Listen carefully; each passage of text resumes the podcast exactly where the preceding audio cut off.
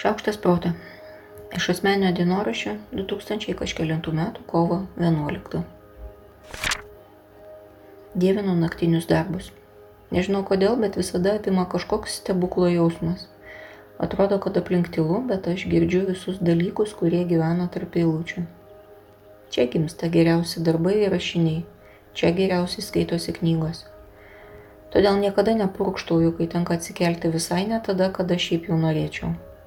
Todėl savo norų per atostogas keliuosi dar prieš saulėtekį, kai girdisi dar kiti dalykai, kuriems pavadinti aš dar neradau žodžių.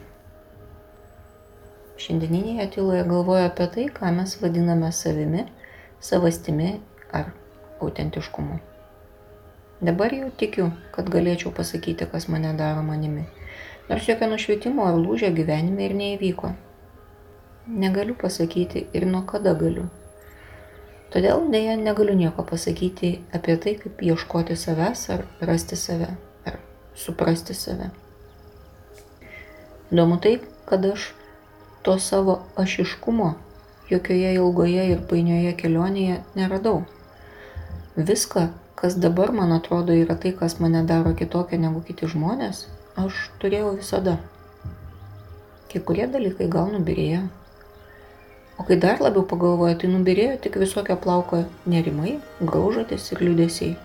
O tai, kas mane visada džiugino, tiesiog liko. Liko tas pats, tik ramiau, smagiau ir šviesiau. Ar ieškoti savęs tada ir reiškia ieškoti būdų nusiraminti? Ar galiu nusiraminti, nepaverkus, nepargriuvus ir nenusivylus tiek kartų, kiek tai buvo? Ar savęs ieškojimas ir yra tas savęs išviniojimas iš nerimo, liūdėsio ir pykčio?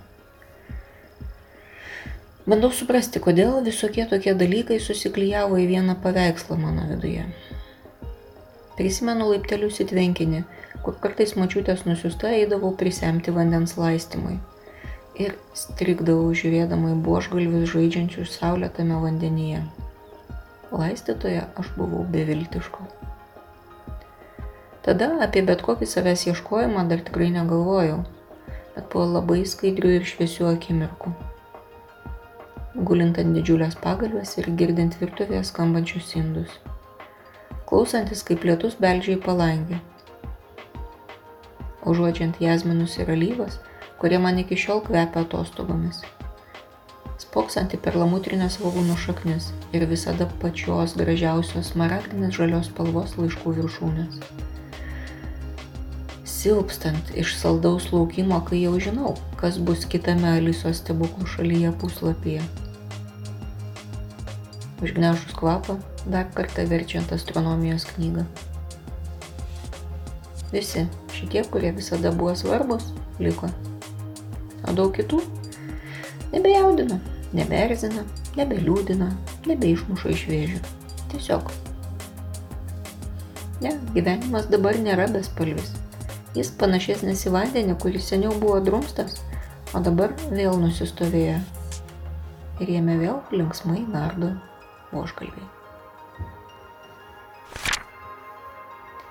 Aš Monika Kuzminskaitė, sveikatos ir mytybos psichologė, padedu spręsti kasdienas ir sudėtingas mąstymo, emocijų ir elgesio klausimus. Rašau, skaitau paskaitas, teikiu psichologinės konsultacijas. Mane rasit socialiniuose tinkluose vardu Šaukštas Proto. Rašykit man asmeninę žinutę ten arba elektroniniu paštu adresu šaukštas.proto.gmail.com. Taikos ir ramybės.